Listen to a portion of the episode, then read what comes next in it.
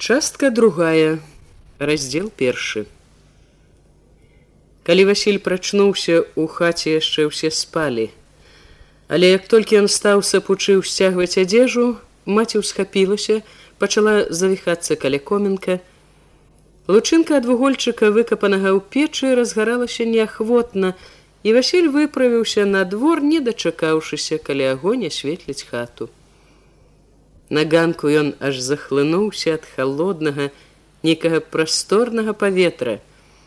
Было не цёмна не так, як мінулымі начамі, а шаравата, і ў гэтай шэрані кідалася ў вочы, якое ўсё навокал белае, чыстае, як бы прыбранае на свята.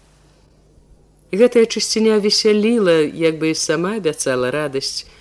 Васіль пачуў прыліў незвычайнай бесклапотнай бадзёрасці. Ён гатоў бы ўжо молада, як вылашчаны на волю жарэбчык, скочыць з ганка, калі ў сярэдзіне заныў такі жывы неспакой, замутніў чысціню святочнасць напамінкам. Ганна ідзе з глушаковым яўхімам. Яўхім нахіліўся да яе, штосьці сказаў, засмяялася. Ён Васіль за ясакарам з торбай,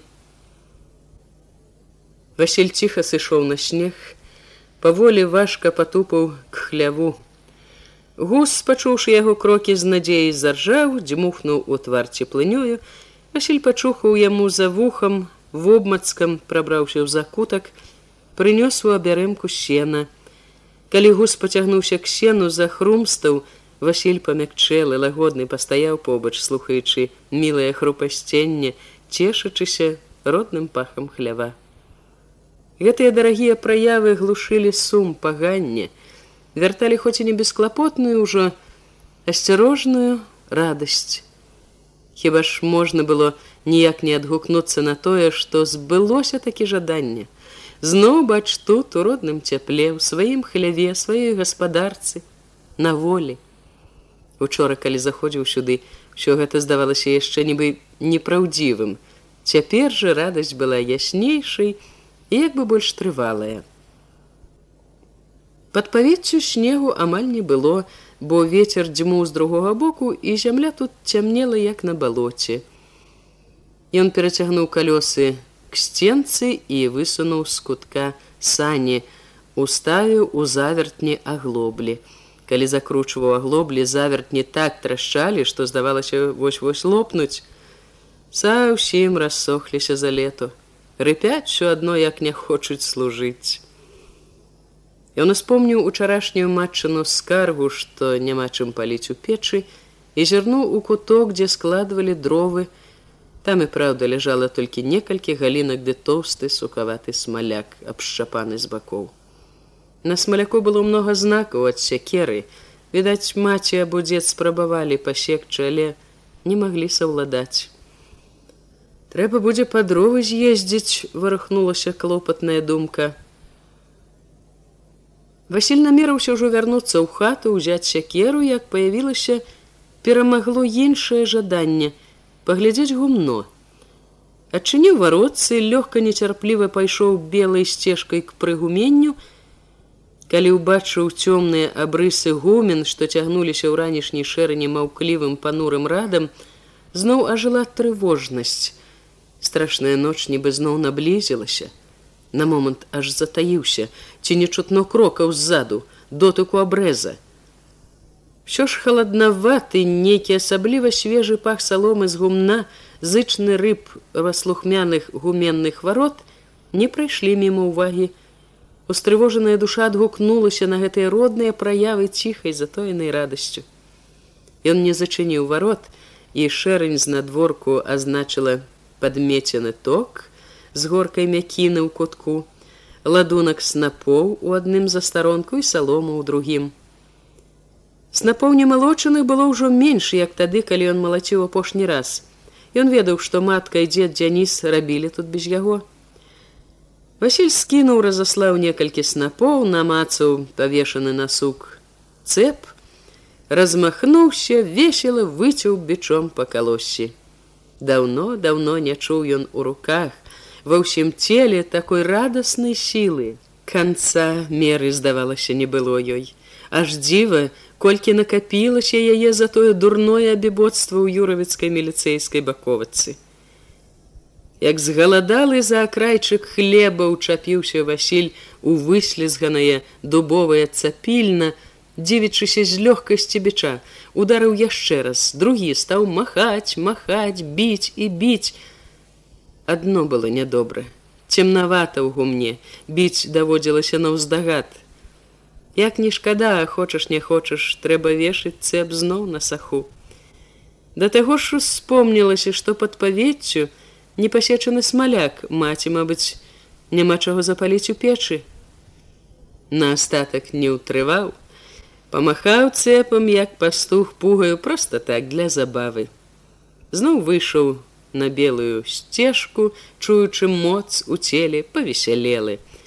Пад павеццю люта накінуўся з сякерую на смаляны корч, лупіў па карчы і карчом аб калодку, так што аж у жар кідала самога. Кінуў світу на сані ў белай сародцы, біў, разламваў корч датуль, пакуль не засталіся ад яго крывулі ды трэскі. Неўзабаве ён ужо ішоў з драўляным вядром да калодзежа, які быў на мяжы яго і дзядзькі да меціка сяліп. Трэба было напаіць коня. Вядро на кручок вочапу Васіль не павесіў, а кінуў кручок, не стаў зашчапляць і так не сарвецца не патоне. Ва ўсім тым, што не рабіў цяпер, як бы хваліўся хвацкасцю сваёй спрытам. Выцягваючы вочап з калодзежа, з якога знаёма пахла мохам, старым мокрым дрэвам і вадою, Ён пачуў, што з суседняга двара нехта падыходзіць і азірнуўся. Гэта быў недамецік. Ішоў плячысты з васпаватым тварам малады мужчына ў вайсковай вопратцы і зімовай шапцы з вострым верхам. А, арыштан з'явіўся, павітаўся мужчына, здалося Васілю з насмешачкай. Васіль мелькам заўважыў у таго, што падыходзіў ад чаравікаў да самых калень, былі накручаны чорныя анучы, і ногі ў іх былі падобны на вялізныя граковыя. Надзеў чаравікі іх хварсіць, засуджэннем падумаў Васіль. Ён не так пазнаў, як здагадаўся, што васпаваты вайсковы меканор да мецікаў сын, які вярнуўся са службы. Маці учора між іншых вясковых навін памянула і гэту.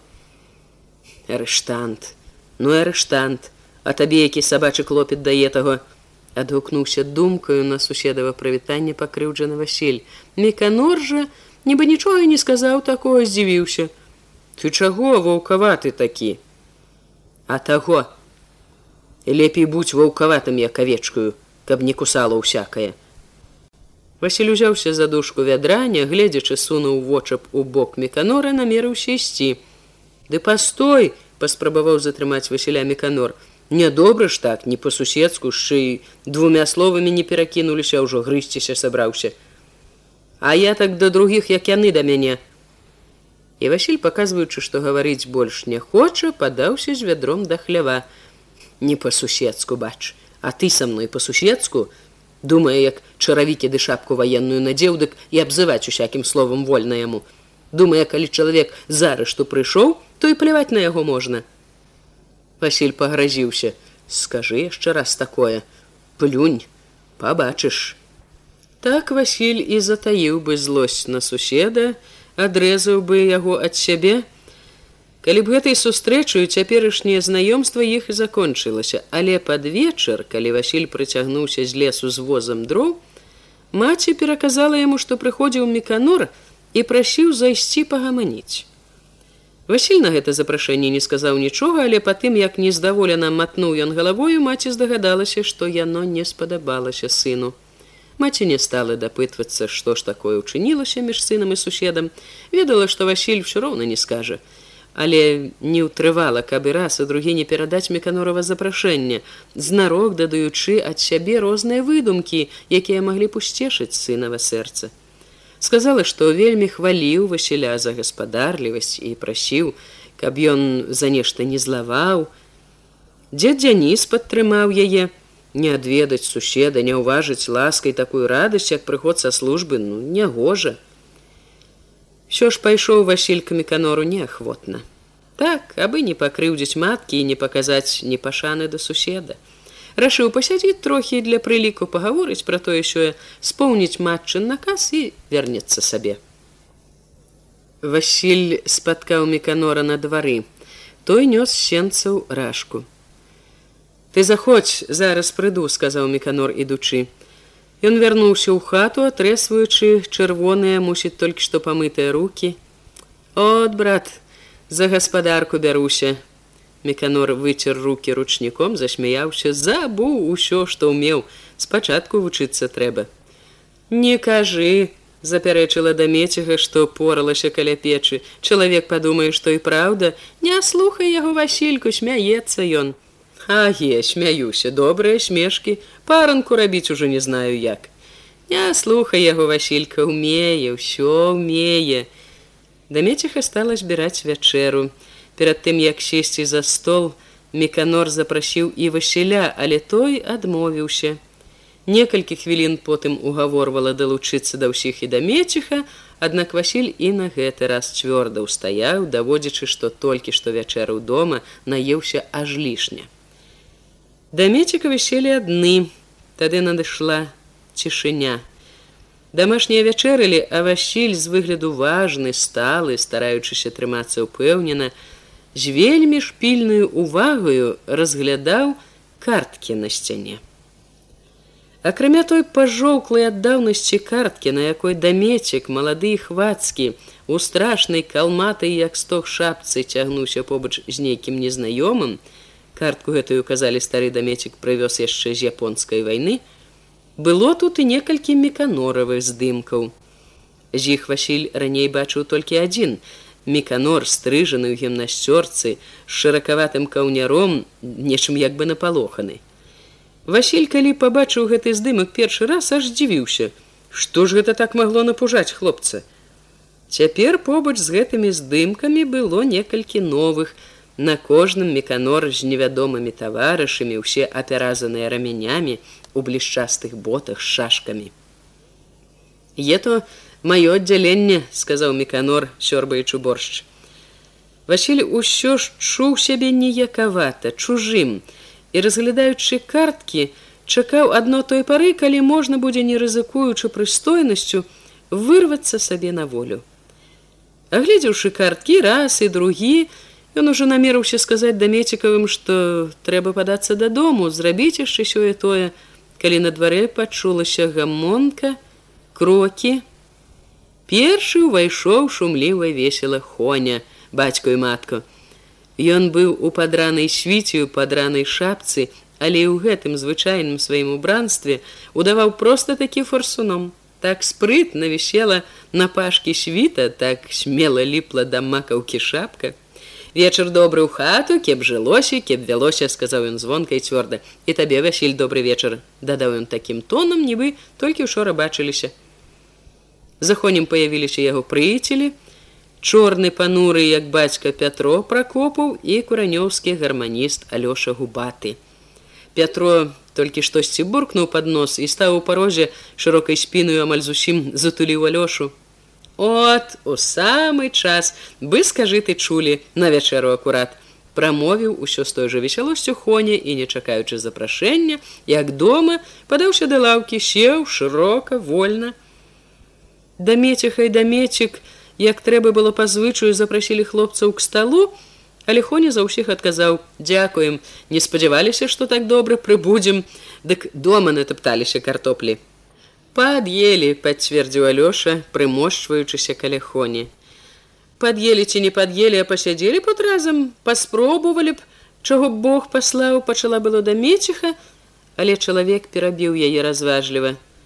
Было б спробоваць чаго, дык небось, угаварылі б як-небудзь, а тут рассол адзін ды картопля, чарк хоць бы дзе завалялася.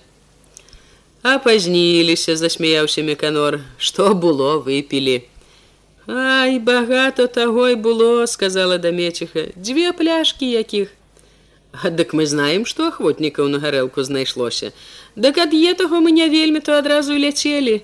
Хоня хітра зірнуў на меканора, павёў гутарку на іншае хочам от меканора з дзеўкамі нашымі пазнаёміць, бо ён жа, мабуць, забыўся. дай дзеўкі сказаць з буту проста не даюць прывядзі ты прывядзі аге возьмите яго хартонка ухапілася ахвотна да меціха няхай пагуляе от толькі баімся што ён можа цяпер да гарадскіх болей прывучаны сказаў алёша губаты адольваючы нясмеласць відаць стараючыся патрапіць хоню. Ды не было калі прывыкаць там заявіў меканор а ўсё-таки пэўне завёў якую-небудзь мармазелю учапіўся хоня. Да не ну так правда гуляў сколькі разоў паберуць у парку і то з хлопцамі там з марозам з кісялём агеш з марозам кажы кажы так табе і поверым з кісялём кажа гуляў пабачыць бы нам таго кісяля Васіль з гэтай гамонкай і смешкамі стаў чуць сябе ў дамецікаў ямчэй.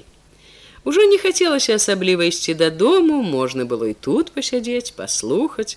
Ужо амаль супакоіўся, гатоў быў забыцца на ўсе страхі, калі дзверы адчыніліся і ў пройме іх, як злы напамінак, як пагроза, появілася постаць грыбка. Васіль ад неспадзеўкі аж пахаладзеў. Больш за ўсё не хацеў, баяўся сустрэцца з грыбком і на табе твар у твар. Васіль увесь сціснуўся, насцярожыўся, чакаючы самага паганага. На момант з'явілася падазрэнне ці не знарок, ці не для гэтай сустрэчы запрасіў меканор. Няўжо ж знарок падстроіў, але паглядзець на меканора хоць бы вачыма праверыць падазрэнне не мог, нязводна сачыў за грыбком. Нічога страшного як бы і не было. Грыбок толькі зірнуў на высялянне добра і сеў на другую лаўку. Ні слова не сказаў Васілю, але ў маўчанні яго хлопцу яшчэ больш чулася непрыхільнасці да кору. Цяпер Васіль быў нібы прыкаваны да сцяны, каб і паспрабаваў, не мог бы здаецца адарвацца. Ён папракнуў сябе моўчкі, даў жа зарок не хадзіць ні да кога не бачыцца ні з кім, Дзень цэлы перабыў без якіх-небудзь прыкрых сустрэч і трэба ж было прыперціся сюды. Ён зноў пачуў у сенцах крокі, павёў вачыма к дзвярам, каго там яшчэ нясе, увайшоў чарнушка. Гэтага толькі не хапала тут. Васіль здавалася, уліп вачыма ў картку, але не бачыў яе, чакаў адно, што ж далей будзе. Васіль заўважыў, павітаўшыся чарнушка адразу угледзеў вылучыў з усіх яго. І васіль тут прамовіў ён як бы давольны але васілю ад гэтага не стала вальней. Да меціх адгукнулася. Зайшоў по суседску к таварышу дзякуй яму ты ці не учора ўвечары прыбыў не хацеў адступацца ад васіля чарнушка. Учоры увечары? Уцямнела уже добра як прыбыў Ну цямнела, дык што? Ты нічога бачыў я нехта учора поцемкам падыходзіў э, за хаты, сказаў чарнушка, як бы падобна на цябе, я лехлява акурат ішоў, А сягоння чую праўда, прыбуў. Ну так я і думаў, што ты. Васіль прамаўчаў. Так зайшоў бы няхай, Я ж я то не сказаў, то ты нічога, бо не пазнаў добра, не паверыў грэц яго, А то ж такі, мабуць, ты быў. Васіль вырухнуў плячом, як бы хацеў адчапіцца. Ды не. Гаворка на шчасце пайшла пра меканора, грыбок сказаў, што меканор не ўрокам кажучы, спраўны вельмі з выгляду непагана, мабыць, на службе было. Меканор засмяяўся, да сказаць, што пагану грэх. Адкарміўся, як бугай, выгуляўся, пахваліў меканора Хоня. Дык кеп гуляў вельмі то не сказаць, было так не сакрэт, што пасля паходу іншы раз і самы конь пад табою як у мыле. Калі ідзеш ногі адна за адну чапляюцца за рагата ў хоня за ім алёша і пятро. Ой ледь дацягнешся бывало. Зноў жа на варце стоячы мароз на ветры як пакалееш, так аж здаецца душа заходзіцца. Кажух такі да пят тулуп давалі як на варту ісці. Дык і тулуп'е ты не паможа, ўсё адно халадэча дабярэцца. Ога, да пячонкі дабярэцца. Стары дамецік толькі пачаў быў казаць, Это што от у маньчжуры мароз дык мароз на ляту ўсё жывое нішчыць. Як у хату увалілася яшчэ некалькі дзядзькоў. Між іх быў і руды Андрей, акуратна паголены з далікатнымі тоненькімі вусікамі крылцамі агністага колеру у фасоністай гарадской шапцы, першы ў куранях палітыкі прамоўца. Руды падышоў апошні, паздароўкаўся з меканорам, не так, як усе, нязграбна і сарамяжна, а зняўшы фасоністую сваю шапку, адмыслова пакланіўся, ціснучы руку павіншаваў: са шчаслівым возвращэннем меканор дамецевич.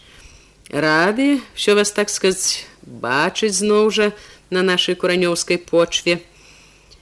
Дзядзькі не першы раз дзівіліся з далікацтва яго абыходжання але ніхто не спрабаваў рабіць як ён не кожнаму спрыт такі дадзен унцер у нас на батарэі быў успомніў грыбок ну і унцер кулакі па пуду як дасць каму той зразу з капытоў вобзем ну цяпер праўда не бывае кеп каго білі ага няхай бы ударыў хоць які камандзір дык яго так бы ударылі што навек закаяўся ну а калі ж бывае што каторы не слухаецца убіўся хоня камандзір яму адно загадваю яму што-небудзь рабіць, а ён не буду і не буду. Не бывае хіба такіх. Ды бывае усякае, толькі ўсё адно не б'юць нікога. Другім бяруць метадам тлумачыць найбольш што да чаго. Што такое значыць служба ў чырвонай арміі, каму мы служым. Ну а калі ён не слухаецца ўсё адно, не адступаў хоне, не судзяць. Судзяць, а толькі болей на свядомасць б'юць. Чуў я, што аж пад мінскам на манеўрах быць даводзілася, апярэдзіў нейкае новае пытанне на дакучлівага грыбка Андрэй руды. Быў на акружных вучэннях. Андрэй руды хацеў распытацца пра гэтае вучэнне, але тут умяшаўся чарнушка, пераблыта ўсё, як там зямля под мінскам. Зямля як зямля паспрабаваў быў вярнуць меканорак вучэннем руды, Аднак меканор запярэчу: Ну не сказаць кеп такая, як наша, сушэй багато. Балот да крэпка можна сказаць болей палі, от паліды лес. Ну і лес можна сказаць інакшы, без канца чысты сасняк. Багато вельмі горак, бывае так от як глянеш з каторай, дак толькі і бачыш горкі і горкі, з полем ды з лесам аж пакуль відно. Хоня запытаў: « Мо такія, як у мозары, меншыя, такіх, як у мозары няма. Меканор сказаў это як бы з гонарам, ён служыў у мозары.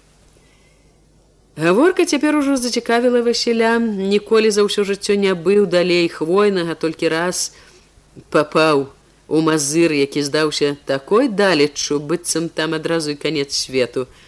А людзей ён і далей заносіць аж дзіва, і там зямля і там жывуць.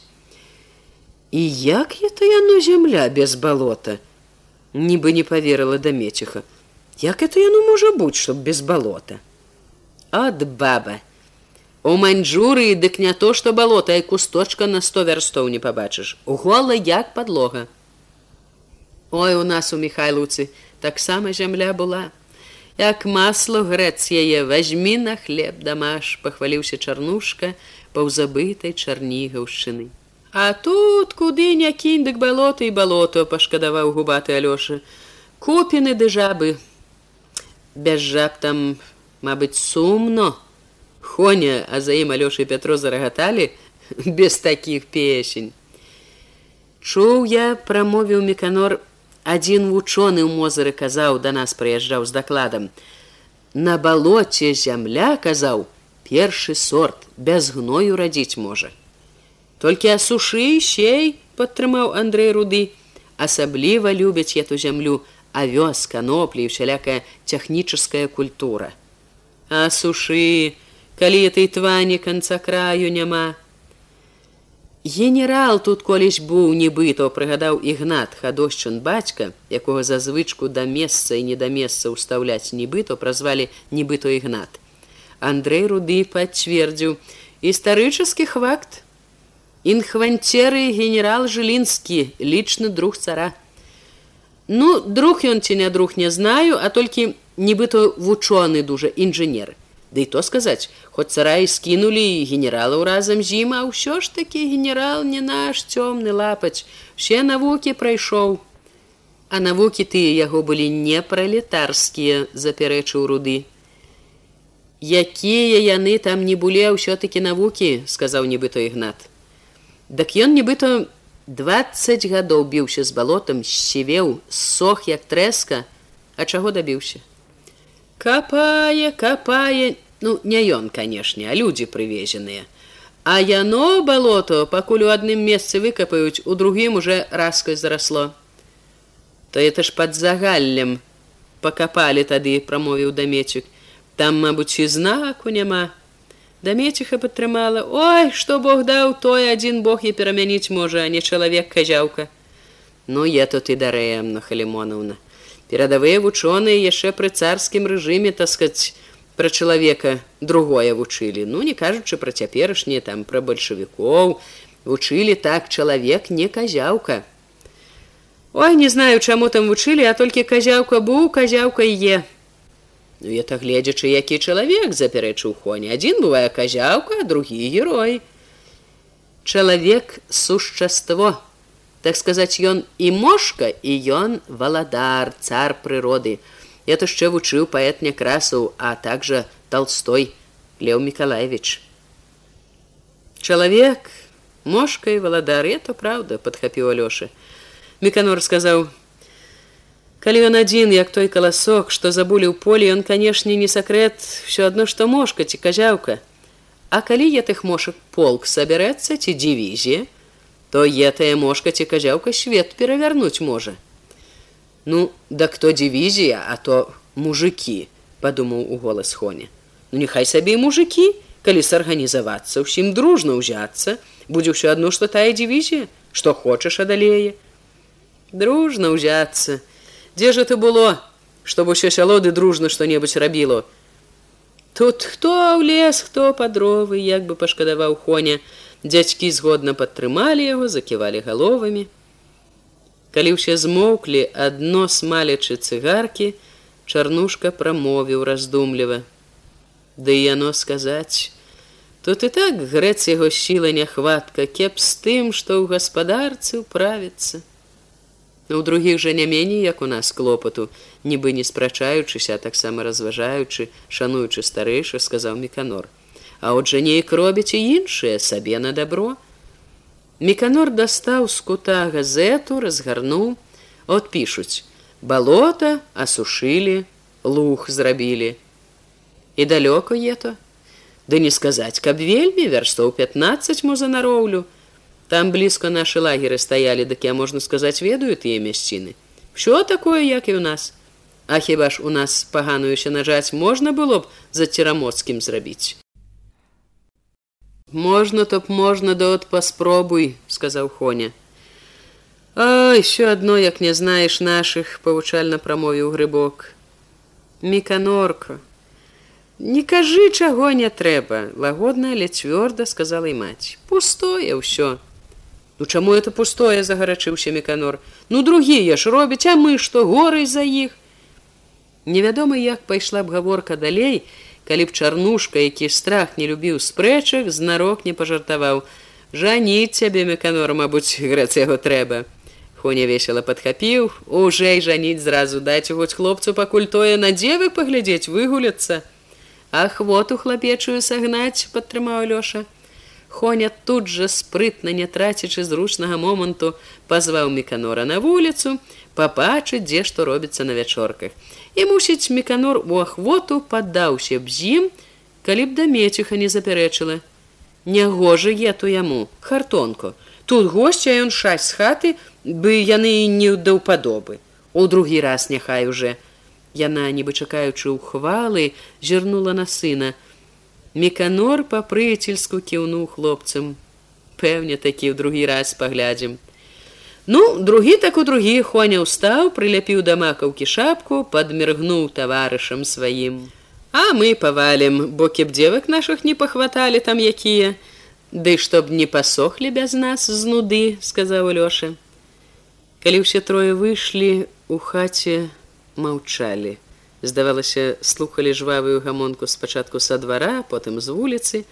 Калі гамонка прыціхла, дамеціха чутна ўздыхнула, загаварыла з журботнасцю з замілаваннем. От хлопец! Хоць яна не сказала імя Хоні, усе зразумелі, кім захапляецца і па кім журыцца. Это ж трэба, бяда такая. Матку, як дзерава зрэзаная з ложку не ўстае, дзяцей чарада на яго руках накарміўсіх дагледзь. За бацьку і за матку адзін е то праўда грэц яго. А от нібыта і не бядуе, нібыта і гора мало. Ды не паказуе, сярэдзіне следовательно хавае. Зноў помаўчалі, потым гаворка пайшла пра тое, што цяпер асабліва турбавала кожнага, пра маслакоўцаў. І адкуль яны грэц яго павылезлі. То ж усюды чутно ціхо стала, а тут сычаць і сычаць. Балото ведаму адгукнуўся дамецік, гаду ўсякаму ў балоце рай. Можа і самі таго не заўважаючы, гаварылі цяпер цішэй, як бы асцерагаліся, каб не пачуў той, каму не трэба. Грыбок слова не выціснуў, сядзеў неспакойна мімаволі прыслухоўваўся да гукаў на вуліцы, на якой недзе дурэла гаманіла моладзь. Васіль таксама маўчаў, ледзь толькі загаварылі пра маслака, чакаў, што не абмінуць яго упікнуць. Падрыхтаваўся, каб адрэзаць як належыць, калі што-небудзь зачэпіць. З-за граніцы перакідаюць з Польшчы, руды як тайну даверыў, так сказаць, агентура. Нібыто балахоўшчыкі ўсялякія. Ну балахоўшчыкі ці не а от жа грэц яго і цераз граніцу прашываюцца. І мала таго яшчэ і тут хэўру знаходзіць і ў нас жа з некім зналіся. Зналіся дымілі цыгаркамі думалі аб нечым сваім але гаворкі пра маслака ўжо не вялі не ў ахвоту гаворка гэта рызыкоўная лепш язык за зубамі патрымаць А жылі загаманілі на перабой, калі пайшлі ўспаміны меркаванні пра вайну, пра вайсковую службу. Разыходзіліся познім вечарам. Ціхі мяккі снег казатаў шчокі, ляпіўся на шапкі, на кажухі і світы. Здавалася, спяшаўся хутчэй забяліць усё. Не толькі ўзболатак, агароды за хлявамі былі схаваныя замеццю. Нібыта ўжо зіма, зазначыў хадошчын бацька. Зіма, толькі гразі лішні грэц яго наробіць по прадказанню таяць не павінно дайшло да меканора і васіля ўжо з вуліцы меканор стаяў на ганку ў расхрыстанай гімнасцёрцы падаўшы васілю руку згадаў весела. Думаў я што ты сказаў каля калодзежа. Лепей маўляць будь воўкам як авечкай. А по-мойму дык лепей будь чалавекам. Толькі канешне меканор засмяяўся чалавекам з зубамі. Васіль прамаўчаў, але лежачы ўжо успомніў меканоравы словы, падумаў: чалавекам ці не чалавекам ўсё адно, а зубы, конечно, трэба мець. Без зуб не ўцалееш цяперашнім часам, з'ядзяць і не агледзішся.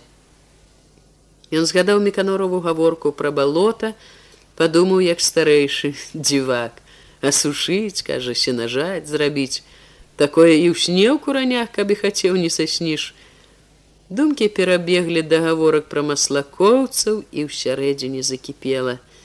Кеп знаў хто это іх навёў задушыў бы гада а дазнацца можна ж?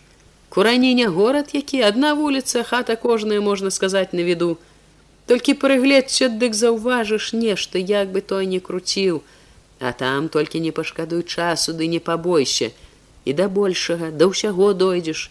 Не ўхаваецца толькі прысачыць добра. Сінім снежным адвячоркам грыбок хадзіў ад акна да акна па сяле загадваў ісці ў ігнатаву хату на сход збіраліся доўга нядружна то ўваліцца некалькі чалавек адразу адзін за адным то за цэлыя паўгадзіны хоць бы хто пастукаў ботамі ў сенцах бразну клямкаю.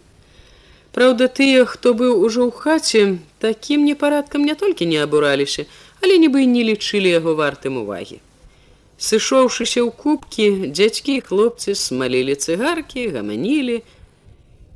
Гамонка і рухі былі найбольш павольныя, мірныя.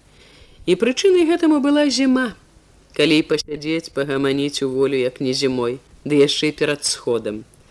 Дым плыў угару хмаркую віс вакол лямпы, якая ціха сіпела і хліпала. У кожнай купцы бавілася свая гамонка. Іншы раз гамонка ў гэты вечар спадала далеч чутнага нават блізкім шэпту. Пераказвалі няпэўную чутку пра тое, нібы маслакова гайня нарэшце далазілася, распетрылі ў пух, каго пабілі, каго арыштавалі, адзін маслак здаецца і выкруціўся.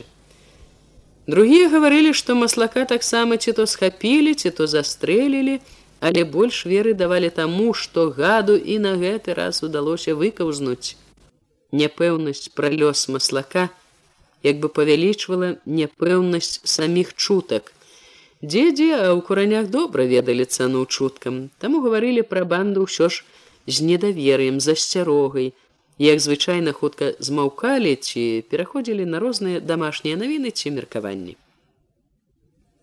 Барадаты пракоп у сваёй купцы, дзе сядзеў і гаспадар хаты хадошчын бацька і глушак, важна басавіта бухаў пра тое, што хтосьці абадраў стох сена ў галі. Больш за паўвоза нацягаў вурат. Пракоп дагаворак ахвотнік невялікі, гаворыць так нібы воз сена падымае. Тым, каму даводзіцца слухаць яго хочацца аж памагчы чалавеку. Ён і цяпер бухнуў некалькі важкіх слоў і змоўк. Толькі па тым, як панура выглядваюць вочы з-пад зарослых броў, відаць, што злуе вельмі. Судзіць такіх трэ было б, заявіў ігнат. У сібір ссылаць, кеб ахвоты не было на чужое.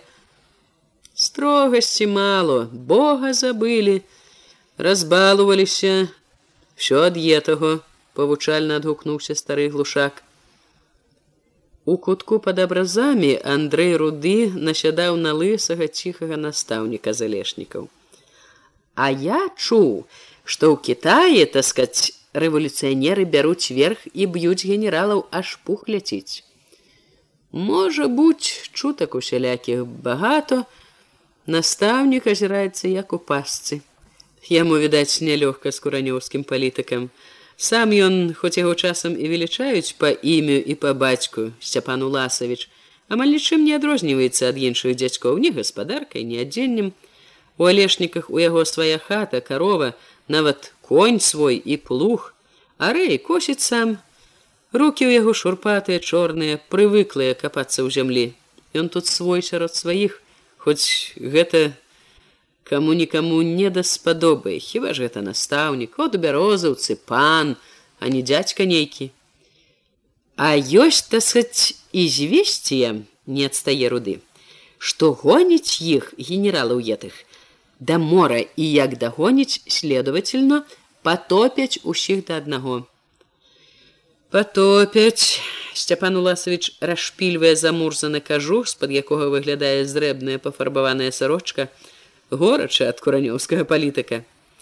І няхай топяць весело ўрываецца ў гаворку меканор табе хіба шкода смяецца ён рудому. Відаць хоча памагчы настаўніку. Але андрей жартаваць не збіраецца глядзіць у адказ холодна не лезь куды не просіць аднак тут у гаворку уступае чарнушка. Ну дай ты чалавеку перад іх прыстаў гэтым сваім кітаем кітай ды кітай. Тут і са сваім не то што з кітаем не як разабрацца от дай рады сцяпан сажа ярыну аж губіць. Праўда чтоб кеп сінім каменем патравіць дык можна б выбавіцца. Можна сінім каменем ажывае настаўніка можна і фармалінам памагае добра. У купцы жанчын што ціснуліся каля ложка гамонка ішла такая ціхая што збоку амаль нічога не было чуваць З гэтага неразборлівага гуду час ад часу вырываўся задзёрасты галасок гаварлівай удавы сарокі, дужай вяртлявай жанчыны, якая, перамаўляючыся, кідала вострыя позіркі на мужчынскія кубкі на ўсё, што не рабілася ў хаце. Вочы яе проста бегалі, лавілі, праглі чаго-небудзь цікавага. Такая ўвага да навакольнага зусім не замінала ўдаве сачыць за жаночым шчабятаннем, разам удзельнічаць у гаворцы. І трэба сказаць, што ўдзел гэты не быў абы які фармальны. Часта цётка сарока забівала сваёй гаворкай астатніх чатырох, якія не мелі ад патоку дасціпных прымавак і жартаў. Прымаўкі вязала яна лёгка, спрытна, без утомы, адкуль толькі і браліся. Таму, хто пазіраў за імі збоку, гаворка ў жанок магла б здацца такой, як бы там рыхтавалі нейкую змову, ці па крайняй меры давяралі адна адной сакрэты надзвычайнай важнасці. А сакрэты былі такія, што ў грыбка цяліцу нехта ўракнуў, і яна не есці, не піць не бярэ што меканорык да мецікаў з пошты прынёс газету, а ў той газеце прапісана: цераз тыдзень будзе зноў вайна з палякамі. Што ганка чарнушкава ўжо і глядзець на дзятлікавага Васіля не хоча. Картоплю з гуркамі топча, а ўжо не хоча якога хлопца, давай караля з заморскага карабля. Завіткі на дабро глушакоўскае ўзялі мачыха пэўна падгаворвае, Ды не мачыха, пасварыліся яны Васілі Ганна, запярэчыла хадошчына маці. Агія, пасварыліся, А чаго? Цётка сарока толькі сабралася выказаць прычыну, як у кубку убіўся гарэзны зайчык, закруціўся, чапляючыся да кожнай быццам лезучы цалавацца дзевачкі мае кветачкі, занудзіліся, мабуць, без кавалера, Агеш, трэба-то нам стары пень як учарашні дзень. А не, Не трэба сарока велабока, А чаго ж ты як на людзях, дык стары пень, А як адны пабачымся, дык і кветачка і ягадка. Зайчык перабіў сароку, яшчэ і ўвосень на ноч звала. Мужчыны, хлопцы ўсе ў хаце глядзелі цяпер на зайчыка, смяяліся, падначвалі яго сароку. Цётка ўпікнула: Дзяцей поўны хорам, а сам як малы і не сорам табе. У зайчыка і праўда дзяцей поўная хата, голыя, галодныя, сам ён хваравіты, худы, аж шокі ўваліліся. Кажух такі, што і латаць няма чаго дзірка на дзірцы, на спіне на рукавах усюды тырчыць поўсць, але нішто як бы і не турбуе яго. Скінуў з лысай галавы шапку, лезе, дабіваецца ад сарокі, чаго ж запрашала ўвосень падурэўшы з сарокай уваліўся раптам у гурток дзяўчат адну абняў другую цмокнуў шчаку некага ўшчыкнуў. Сярод дзяўчату скінуліся крыкі па зайчыкавым кужусе запляскалі кулакі. Пад крыкі гэтай выбраўся на волю крывічыся паказваючы як баліць. Вельмі ж пабілі пескухі прыстаў да хлапечага гурту. Які тут дурань будзе браць сабе такую пагібель у хату? То мы не возьмем. Не будзем жаніцца заявіў весело хоне не жаніцеся хлопчыкі да не будем цвёрдае слово сказали бацька і матка ты глядзіце подзішча которое ў твой кагал такую чараду глядзець ха я і сам дагледжу Васіль сядзеў між хлопцаў каля дзвярэй але амаль не слухаў ні таго пра што яны гаварылі раней не таго аб чым жартавалі цяпер з зайчыкам.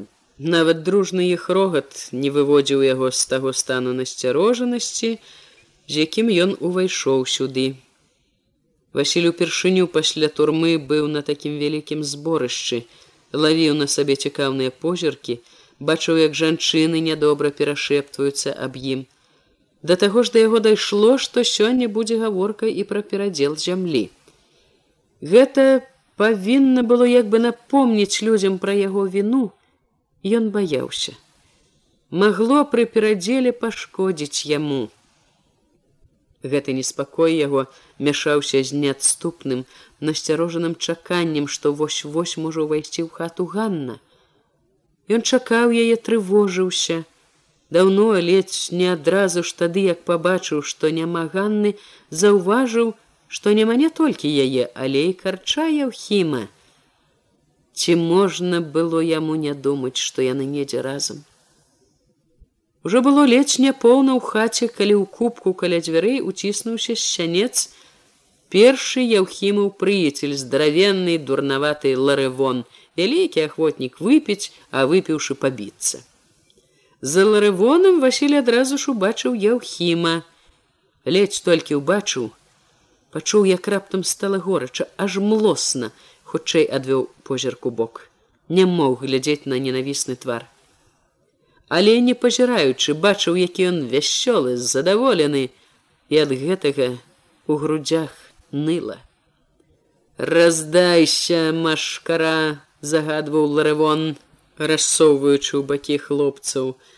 Плячысты з чырвонай шыяй па бугаінаму выгнутай галавой ён цяпер вельмі апраўдваў сваю мянушку якой яго паціху хрысцілі людзі. Бугай казаў я без нас не пачнуць прамовіў весела яўхім можна было б яшчэ пасядзець аге толькі вас і чакалі закрыўляўся зайчык ён крыкнуў грыбку уже можна пачынаць Ай, правда, подхапіла зайчыкавы словы сарока. Няўжо ж да пеўню ждаць будзем, пакуль прыцягнуцца ўсе.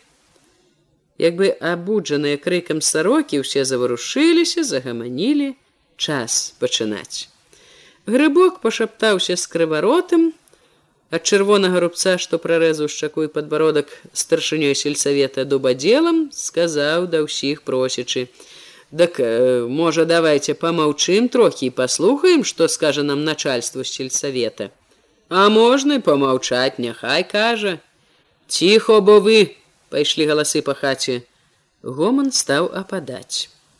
Начальство, маладое з хваравіта касцістым бледным тварам, вострымі плячыма, з гарачым адважным позіркам, устала, абцягнула великаватую гімнасцёрку, і пачало з таго, што па-першае, ад алешніцкага сельскага савета юравіцкай воласці перадало прывітанне ўсім працоўным сяла курані. Дубадзел перачакаў, пакуль сціхлі шум і воплескі, пачатыя Андрэем рудым аб'явіў: Па-другое, мы прыехалі, кеп пагаварыць з вами пра делу рознае, пра школу нашу, Ён кіўнуў да настаўніка, пра падатак канешне а таксама і пра грэблю пра грэблю тут павінен быў гаварыць з воласці але по той прычыне што ён не прыехаў зноў буду гаварыць я. Прапаную спачатку выслухаць міжнароднае становішча падняў руку андрей руды дубадзел абвёў людзей вачыма непахісна сказаў міжнароднае становішча я намалюю калі буду гаварыць пра падатак і пра грэблю ясно? Руды кіўнуў ясно але тут гайнёю накінуліся апанавалі дубадзелы іншыя галасы прыдзірлівыя злыя. А пра зямлю? Прадзяленне нічога? Дзяліць калі? Да перадзялілі уже гаварылі дурылі абяцанка цацанка дык якое ж цяпер дзяленне крыкнуў хоня. По такому снегу! Даждаліся! Дарэмна грыбок спалохана спрабаваў сцішыць людзей. Гоман крыкі абурэнне злосць смех віравалі ў хаце. Уціхла на хвіліну толькі тады калі дубадзел цвёрдым тонам заявіў што земля ўпарадкаванне будзе зроблена вясною. Але не ўправіўшы ён сесці як шум зноў закіпеў настаўніку жалудку давялося пачынаць у гэтым гомане гаварыў ён нясмела ціха і спачатку нават зблізу мала што чулі з яго гаворкі. На тых якія шумелі пачалі шыкаць. Ціха ж бы вы дайце сказаць чалавеку бухнуў нарэшце пракоп. Уже месяц як у школе ідуць заняткі стала вальней гаварыць настаўніку а ходзяць у школу з куранёў толькі двое дзяцел соня і глушак сцяпан ну добра хадзіць яму бацьку такога маючы перабіў хоня жалудка і згодны гоман зноў прыцішыў настаўніка Васіля вельмі мала цікавіла тое што казаў жалудок куды з большай увагай сачыў хлопец за тым, хто паяўляецца сянец. Ганны не было і не было. Нечакана позірк яго наткнуўся на іншую постаць, якая ўраз захвалявала хлопца. Васіль не паверыў, прыгледзеўся не памылкі тут не было, у дзвярах стаяў ён. Васіль мімаволі насцярожыўся. Вось хто оказывается павінен быць з воласці, але чаго ён стаіць за другімі ў поцемку не дзен за стол. Перарываць сходу не хоча, ці ахвота паслухаць адсюль, не ў прыкметку. Ну няхай сцяпан з багатай сям'і пярэчыў настаўнік, але ж у школу ходзіць і бяднейшыя, ну от дзяцел Соня з вашых. Жалудок кіўнуў на Андрэя рудога соненага бацьку. Багато бедных дзяцей ходзіць з богуслаўца, з глінішчаў, Я ўжо не кажу пра алешнікі. У куранях болей за ўсіх такіх, якія не ходзяць у школу. А з мокуці багато ходзіць? З мокуці таксама, прызнаўся жалудок. А з хвойнага і з хвойнага ім няма як дабрацца. А нам е як?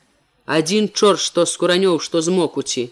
Як мокра да клячэй на той свет, чым у алешнікі вашы. Людзей зноў як прарвала, жалудку не давалі слова сказаць, гаварылі, крычалі, не слухаючы нічога і нікога. Хай бы сам настаўнік сюды хадзіў, калі ўжо так трэба. А хто мне за дзіця маё рабіць будзе? Ёсіль юравіцкі. Сказаў лешніцкія ходзяць, кеб у нас была школа.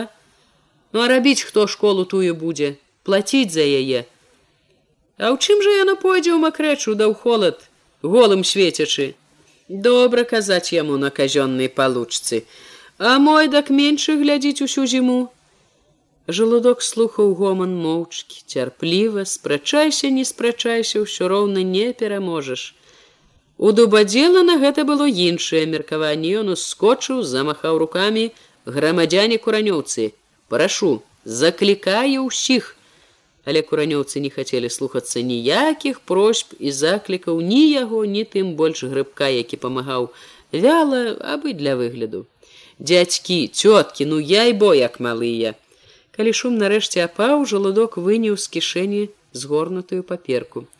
Я от зараз прачытаю спісак дзяцей которым трэба хадзіць у школу а яны не ходзяць у хаце зноў захадзіў гул але ўжо нядружны з перапынкамі. Настаўнік чытаў прозвішча за прозвішчам, выбіраючы цішэйшыя хвіліны.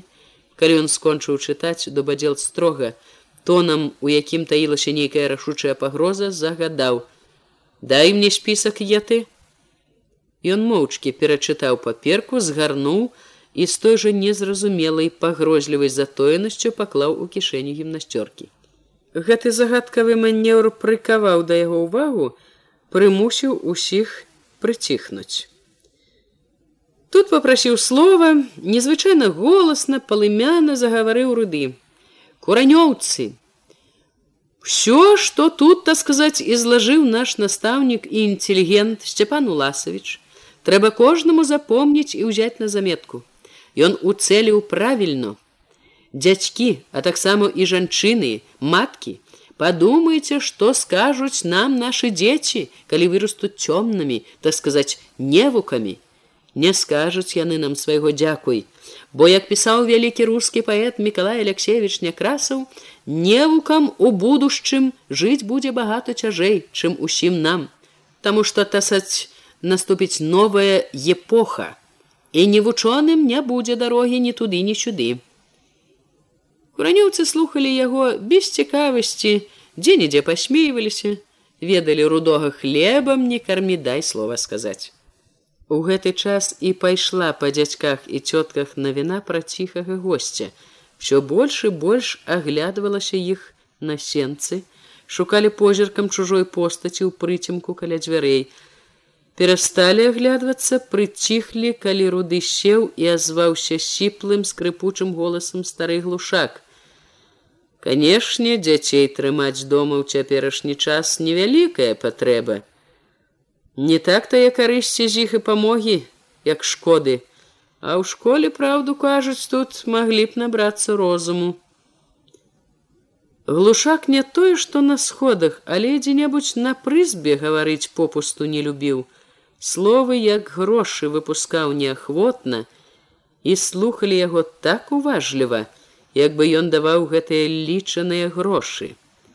Васіль ды, мабыць, і не адзін ён падумаў, што ж гэта магло ўцягнуць старога ў такую трату. Хоча, мабыць, кеб начальство пачула, паддобрыцца хоча.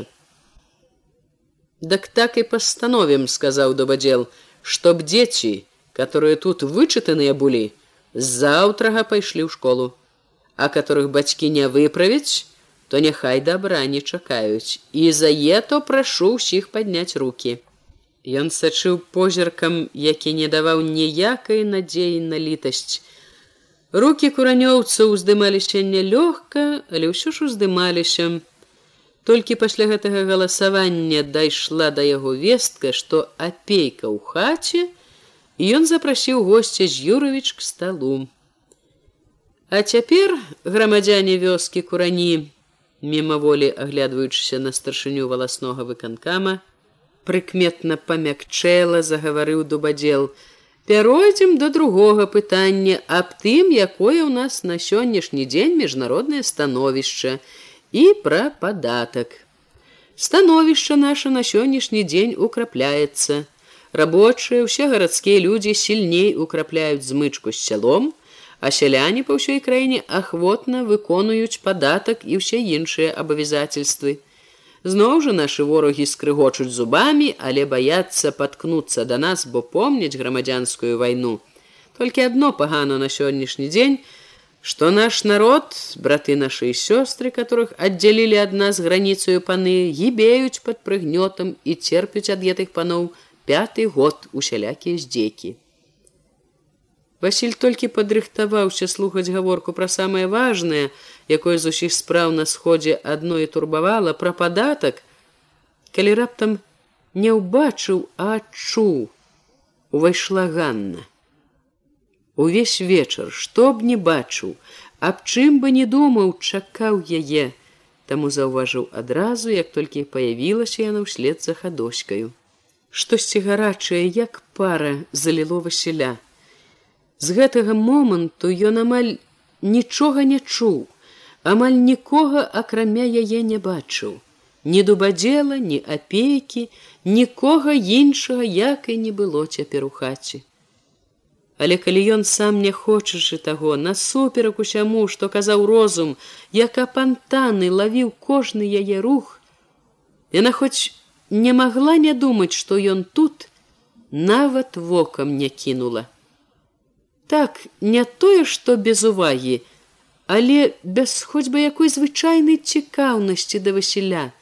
Ганарлівая, непадступная, праціснулася яна між людзей па самага хлопца, дабралася да ложка села побач з хадоськай штосьці сказала хадосьці кпліва усміхнулася стала з тым жа ганарлівым выглядам пазіраць на дубадзела слухаць да васіля як праз ваду дайшло матчына прозвішча імя прачытанае дубадзелам сем рублёў тридцать две копейкі нядоімкі Дубадзела ўвесь час перабівалі, перапытвалі, здзіўляліся, тлумачылі, а потым, калі ён нарэшце дацерабіўся да канца, кружылі, загаманілі, перабіваючы адзін аднаго. Цяпер часта гаварылі і да апейкі, ён слухаў, глядзеў квіткі, пытаўся то ў грыбка, то ў дубадзела нешта адказваў, запісваў. Да стала ціснуліся і жанкі, не толькі такія, як удава сарока, гаспадыня, але такія, мужчыны якіх былі каля апейкі ці дубадзела. Ціснуліся нібы чакалі што іх паклічуць на помач. Хлопцы амаль усе стаялі каля дзвярэй ці ў сенцах з якіх часам чуўся дзявочы піск і рогат. Васіль быў там дзе раней. Паспрабаваў падысці да стола але прабіцца не было як і ён вярнуўся. Іншы раз ён мусіць не адступіўся б так проста хоць бы таму каб не пусціць цень на свой мужчынскі гонар. Але цяпер не да нейкіх клопатаў аб гонары было яму і не да нядоімкі з той жа неадольнай апантанасцю у якой усе трывогі і надзеі былі з ганнаю ён стаў распораз паглядваць туды дзе аб нечым гаварыла з хадоськаю гэтая ганарліўка у нейкі момант іх позіркі сустрэліся але яна адразу ж адвяла вочы. Дым цыгарак вісеў так густа, што лямпа пачала хліпаць, калі грыбок аб'явіў, што ад воласці пра грэблю скажа таварыш апейка, але апейка і слова не ўправіўся прамовіць, як хоня крыкнуў: грэблі грэблю, няхай бы сказаў хто што з маслаком, а то гаворыць гаворыць грэц яму толкам ніхто не ведае. А што гаварыць ухапіўся апенька. Ну нібыта яго пацерабілі нібыто неўпэўнена адказаў ігнат пабілі знарок спакойна кіўнуў апейка. Добра пабілі трох палажылі а пяцярых жывымі ўзялі арыштавалі. Я таму і запазніўся сягоння на допаце быў. Васіль аж перастаў дыхаць. Ось дык навіна! Вестку гэтую чуў ён упершыню чуткі неяк абышлі яго і навіна ўразіла хлопца незвычайна. І як яна магла не ўразіць калі столькі папакутаваў з-за гэтай поскудзі за брэзамі калі яна можна сказаць свет яму закрыла. Даскакаліся значыцца гады атрымалі сваё. Тут жа ўслед за радасцю появілася клопатная а можа яны пра курані пра яго што гаварылі? Мы праўда насціглі не ўсю зграю некалькім пашацавала пакуль яны ў другім месцы былі а з маслаком што зноў крыкнуў хоня. Маслака забілі адказаў апейка у хаце загаманілі з палёгкай хоня перабіў гоман а ты хто вылузнуліся багато Ды чалавек сем яшчэ, але іх чарга недалёка ім нядоўга бегаць паволі. Даўно трэба было, голасна папракнуў Хоня. Трэба было. Апейка помаўчаў момант. З усімі скора кончым. Нам трэба жыць і думаць пра тое, каб жыць лепей. Як вясна ці восень ці мокрае лета да вашых куранёў не дайсці не даехаць, і з куранёў таксама нікуды. Свет канчаецца за ўзбалоткам. Свету не відаць праўду я кажу. Ісціную праўду так сказаць пацвердзіў руды андрей большасць людзей маўчала чакалі што будзе далей апейка пайшоў у наступ. Праўду сам не адкуль-небудзь а з такога ж балота. Соліці запалак трэба дык лезь грабіся па твані пакуль да кааперацыі дападзеш. Краму дастаць таксама грабіся калі не запасся зімой ці летом або от тут пра школу казалі. Канешне якая ж тут школа дзецям калі цэлымі месяцамі не праехаць не прайсці. Ды хто шкадуючы сваё дзіця пусціць яго? Можа быть на пагібель апейка пачуў гоман згоды дайшло слова да людзей загаварыў гарачэй гэта не ваша вина А наша бяда, што лёс занёс нас на балоты, што твань адарвала нас ад другіх сёл, ад гарадоў ад свету. Мы жывём як звяры, але звяры ходзяць з лесу ў лес. А чалавек жа не звер. Чалавек не можа жыць без людзей. Чалавеку патрэбен свет цэлы. І таму нам трэба змагацца з бядою нашаю. Трэба прарваць балотнае акружэнне, звязацца з другімі сёламі. Трэба каб у любы час днём і ноччу вясной увосень можна было ісці ехаць куды хочаш. У краму у школу к сваякам. Адным словам трэба каб чалавек жыў як чалавек а не як звер.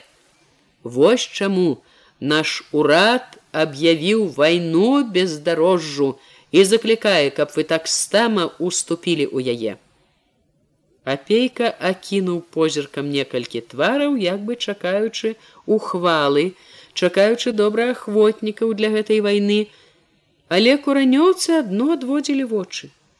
Хоць і ведаў, што гэта значыла, закончыў упэўнена з надзеяй.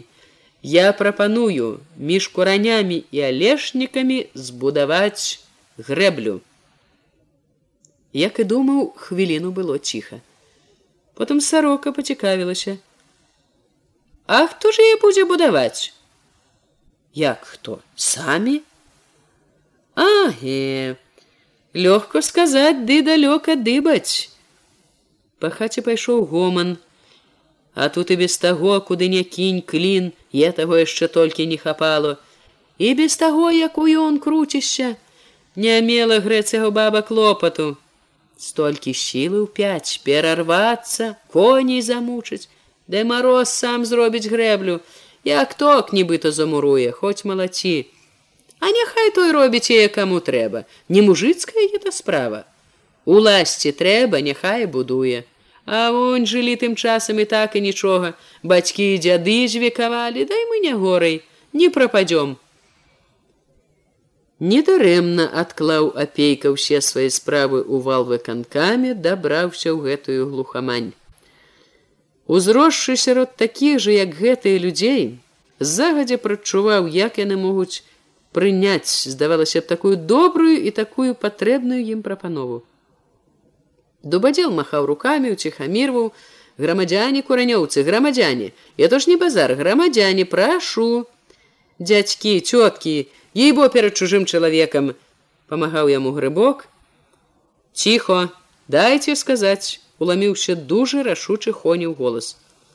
А чаго тут маўчаць чаў тут хавацца? Праўду трэба казаць.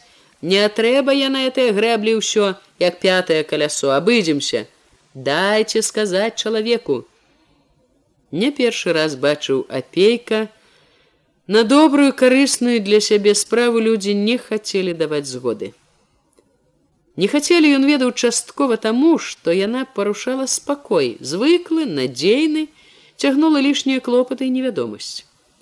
Але гэтаму нехаценню была і іншая прычына.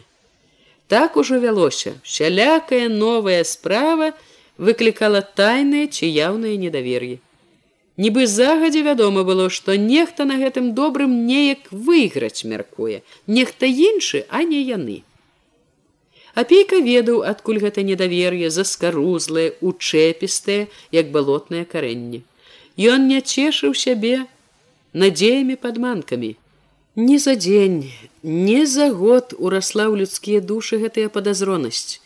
Не за дзень і не за год выкараніш яе. Таму ён тут на сходзе не толькі не паддаваўся якому-небудзь расчараванню, але нават і не здзіўляўся. Не здзіўляла яго і тое, што ім так шкада было затхлага спакою. Той, хто век жыве на балоце, не мог не прывыкнуць да ядавіта зялёнага хараства раскі.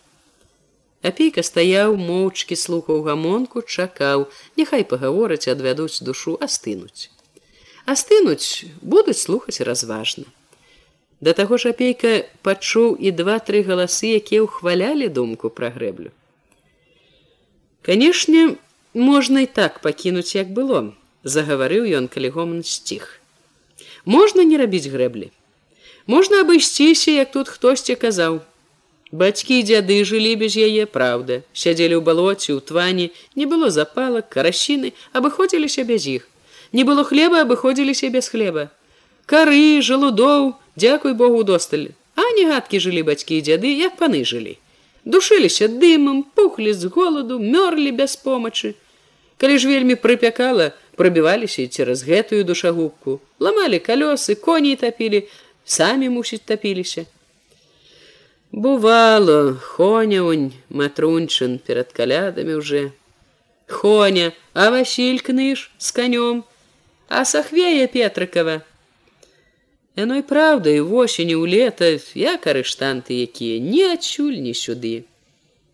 От да свата нібыта ў госці то не выберешся. Ну что да свата да дзелкі чужое і то заржаў ларэвон о табе дзелкі толькі і на уме ну что каму каму удовы каму і дзелкі апейка перачакаў гоман зноў рушыў у наступ от я і кажу трэба каб чалавек жыў як чалавек а не як звер каб не душыўся дымам і не пух з голаду каб не гібеў веку цемры не баяўся нікога і нічога От вам тут спакойна не давала дыхнуць бандыцкая шайка. Поўзала тут грозілася, рабавала, без трывогі ні ў лес не пойдзеш, ні дома не паспіш. Мабыць, ні адзін з вас лаяў уладу за тое, што так доўга з шайкай гэтай справіцца не можа. А як жа справіцца з імі, памагчы вам, калі тут паспрабуй дабярыся да вас з міліцыяй ці чырвонаармейцамі. Цяпер от вы наракаеце, што земля ў парадкаванне дасюль не праведзена. Правильно наракаеце? Але подумайте добра чаму так здарылася? Дык мы хіба супроць? Мы ж толькі про тое от нам е то не под силу перарвемся не зробім коней замучым і толькі да і самі замучымся ну аб сабе гаварыць няма чаго атойдзеш сама без коня як потом по гаспадарцы от кепуласць узялася. Тут раптам ускочыў меканор які дасюль за ўвесь вечар не сказаў слова. От не люблю я то наше плаканне но просто слухаць неахвота. Шесть за сякеру не ўзяліся а уже стогнем ужо спіна баліць. А не баліць табе добра выгуляўшыся. Выгуляўся я ці не выгуляўся не аб тым гаворка.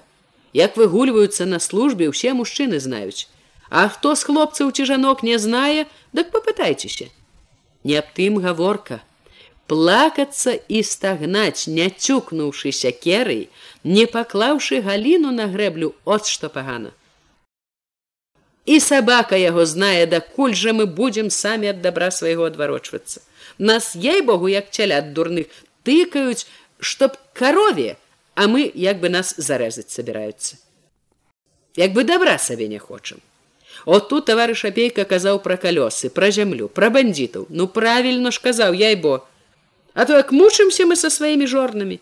Бо ветракі ж у алешніках не дабярэшся а шкода глядзець на бедных наших жанок ды малых. Як яны мучаюцца?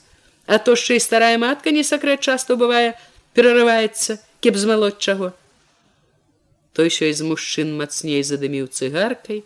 Жанчыны заўздыхалі забедавалі. Праўду кажа пакута без ветракоў а ў алешніках іх аж два. І так хутка так добра мелюць. Ды не аб тым байка грэбля канешне непагану хто супроць ну а калі не супроць дак не трэба я бо плакаць ды стагнаць і не надзеецца на каго другога брацца за яе Дык ці ж табе меканорка казаць, калі ўвесь год як чорт лысы круцішся, то ж нявольнага няма.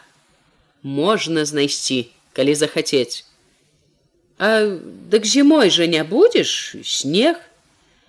Зімой не сакрэт можна нарыхтаваць, звесці ўсё, а летом адсеяўшыся, можна ўхапіць які тыдзень. Ай ухопіш ты, другі возьмецца, а іншыя цыгарку зубы ды паплёваць будуць. О, канешне, адзін будзе надрывацца, а другі на мураве качацца. Ніхто не будзе качацца. Калі пастановім, што псялом усім, дак і загад такі будзе усім ісці. Ну, а калі хто грэцаго не пойдзе, возьме так і не пойдзе. Ну дык няўжо ж мы не зможам усім сялом аднаго такого прымусіць, кеп не збіваў строй. У сельсавет перадайце, заявіў дубадзел. Мы знойдзем, што з такім зрабіць. Ой, столькі страху яйбо з этой грэбляй. Як скажаш ты не грэбля, сабака яго знаеш што. У другіх сёлах не сакрэт, унь уже даўно за балоты ўзяліся, сушаць пачалі. Не чэшуць патыліцу, а капаюць, канавы робяць, лугі і каноплі, усякія іншыя культуры сеюць, а ў нас як бы няма балота. Як бы у нас тут лішняя зямлі. Ну і возьми яе, калі такі смелы. Мало грэблі да кашы балото, дело излагае пустое Василь таксама думаў отжа улезла чалавеку ў галаву дурасці не дае збыту як бы это просто так пайшоў і асушыў немаведама з чым і з кім такую прорву бесканечную навокал ды на што асушыў? Чтоб на другі вот усё зноў зацягнула тванню ды раскай. Уже ж здаецца чуваць дзядзьку адказ разумны. Дык жа не все адно лезе на ражон. У другіх сёлах кажа. У других усюды рай. Сам хлеб сеется сам мелится самі булки ў рот ляцяць а мы без хлеба да зімы. Балбочы як бы рабіць няма чаго. Васіль больш мірна думаў пра грэблю але лічыў як і многія другія што гэта справа казённая калі б казна ўзялася даплаціла якую капейчыну то можна было б узяцца вольным часам зарабіць можна было б што нішто Меканор, зачапіўшы гаворкай асушку балот, і сам адразу ж пачуў, што схібіў. Всё роўна ніхто не падтрымае, але разгарачаны спыніцца ўжо не мог. Ну канешне, асушыць балота не тое, што грэблю зрабіць. З ім адразу не справішся, не сакрэць сіла трэба вялікая і часу багато, Дык от калі б узяць і сарганізаваць меліраціўнае таварыства, сарганізавалі уже одно потушылі ўсе пажары привезлі пажарную Андрэй руды крыкнуў дубадзелу, каб далі яму слова сказаць ноту на гэты паклёп. Не чакаючы згоды, з абурэннем накінуўся на насмешнікаў. Пажарную то ён абяцаў прывесці, але ж грошай сабралі мала. Хапіла толькі купіць два багры сякеру тры вядры. Хтосьці перабіў яго пытаннем, куды гэта ўсё знікла, але дубацел не даў рудому апраўдацца, заявіўшы, што пытання гэтага няма ў парадку дня. Руды стаў спрачацца з ім, іх гаворка танула ў гомане, гаварылі ўсе, не аддаючы, здаецца, ніякай увагі ні меканору, які яшчэ хацеў гаварыць штосьці, ні прэзідууму. Меканор пастаяў, пачакаў і пакрыўджаны такой няўвагаю сеў. Васіль заўважыў, што апейка, які зноў пачаў гаварыць, калі ў хаце прыціхла, ні слова не сказаў пра меліярацыйнае таварыства, а ўсё пра грэблю, толькі пра грэблю. Пасля яго, хто б не адгукаўся, усе гаварылі супроць меканоравай прапановы аб асушцы балота, аб меліярацыйным таварыстве. Апейка ўсё слухаў моўчкі, здавалася, нібы падтрымліваў такія думкі. Васіля амаль не здзіўляла тое, што большасць ужо згаджалася з апейкавай прапановай, грэблю трэба рабіць. Напужаліся, што шэй за балота загадаюць брацца ўсё-ткі з грэблі меней клопату. Ён і сам, баючыся, каб не пачалі ўгаворваць, калі не адразу лезці ў балота капаць канавы, то уступіць у таварыства, плаціць пай, з лёгкай душой прагаласаваў рабіць грэблю. Ну, застаецца толькі выбраць старшага, задаволена прамовіў апейка, калі руки апусціліся. Я думаю, што на гэтую пасаду не знайсці лепшага чалавека, як міканор. У многіх з тых, хто сядзеў на сходзе, была відаць іншая думка. Адзін Андрэй руды адразу сказаў, што згодны і нават за пляску ў далоні. Яго падтрымалі толькі некалькі чалавек, другія ж параду апейкі прынялі без радасці. У хаце стала нядобра ціха. Кеб не выбраць халеру, гарачы не ў меру, крыкнула сарока. Яна мусіць сказала тое, што думалі многія, але апейка апярэдзіў гаворкі, што маглі б пашкодзіць меканору.